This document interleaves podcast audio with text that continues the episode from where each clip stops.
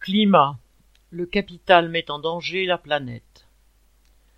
Lundi 4 avril, le GIEC, le groupe d'experts intergouvernemental sur l'évolution du climat, rendait compte du dernier volet de son sixième rapport d'évaluation sur les conséquences de l'évolution du climat déréglé par les activités humaines et en particulier les rejets de gaz à effet de serre dans l'atmosphère. Jusqu'ici, les avertissements de ces experts scientifiques, venus de toute la planète, sont restés sans effet. Chaque rapport est plus alarmiste que le précédent, et pour cause, car la situation dans le monde continue de s'aggraver. Ces experts pensent que les dérèglements climatiques causés par ces rejets sont tels qu'il ne sera plus possible de les arrêter. On ne pourra qu'en limiter les effets à condition, disent-ils, d'un changement radical du comportement des États et des multinationales. Mais est-il seulement réaliste et raisonnable d'attendre aujourd'hui plus qu'hier quoi que ce soit des gouvernants de la planète? La première grande conférence internationale pour lutter contre les dérèglements climatiques causés par l'empoisonnement de l'atmosphère, la pollution des mers, etc., a eu lieu il y a déjà vingt-cinq ans, en 1997 à Kyoto, au Japon. Les dirigeants du monde promettaient alors un changement radical à l'horizon de 2012. En 2012, le constat était déjà que tout avait empiré. En 2015, c'était le nouvel accord historique, entre guillemets, lui aussi, l'accord de Paris, mais sans plus de conséquences. Les rapports du GIEC, censés servir de référence depuis 1980 à l'action de l'ONU, n'ont pas plus servi que l'ONU elle-même mais ils ont au moins le mérite de poser les problèmes de la préservation de la vie pour des centaines de millions d'habitants de la Terre, voire pour l'humanité tout entière.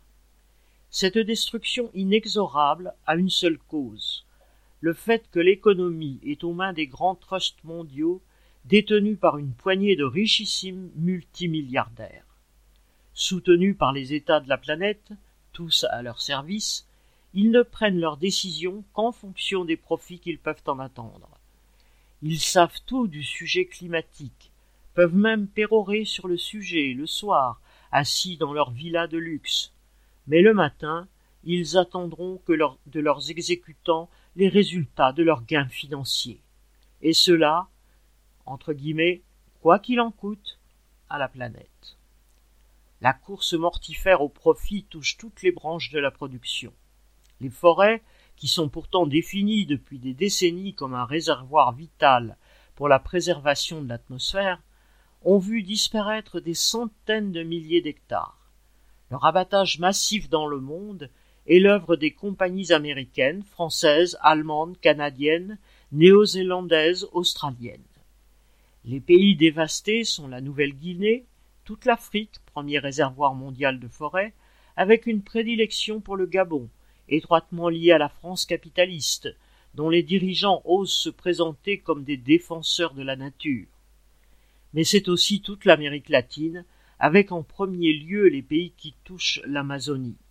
Une bonne partie de l'Asie l'est aussi, avec l'Indonésie qui a vu ses forêts dévastées pour laisser place aux cultures destinées à l'huile de palme, dont les industriels sont si friands.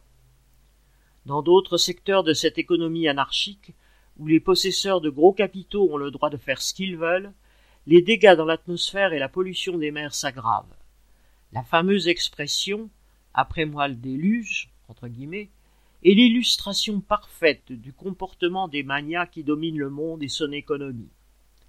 Les convaincre, eux et leurs États, d'avoir une autre attitude que leur irresponsabilité criminelle d'aujourd'hui, c'est de l'inconscience pour certains et un mensonge grossier pour d'autres.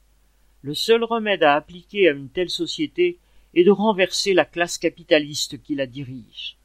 Pour satisfaire les besoins de l'humanité tout en sauvegardant le climat et la planète, l'économie doit être planifiée à l'échelle mondiale sous le contrôle des travailleurs, et ceux-ci doivent prendre le pouvoir. Paul Sorel